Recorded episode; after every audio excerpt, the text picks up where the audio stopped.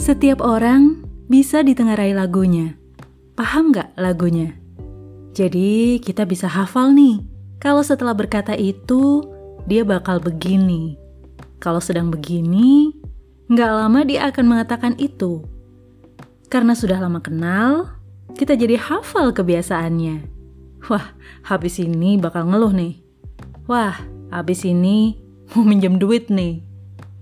Baru datang terlambat, ah pasti alasannya ojek online lama nggak datang-datang lah, jalanan macet lah, ban bocor lah, dan berbagai hal lainnya yang kita udah bisa hafal alurnya. Begitu pula sebaliknya lah ya. Kalau orang akan mengenang kita, kira-kira lagunya apa ya? Semoga bukan hal yang ngeselin ya.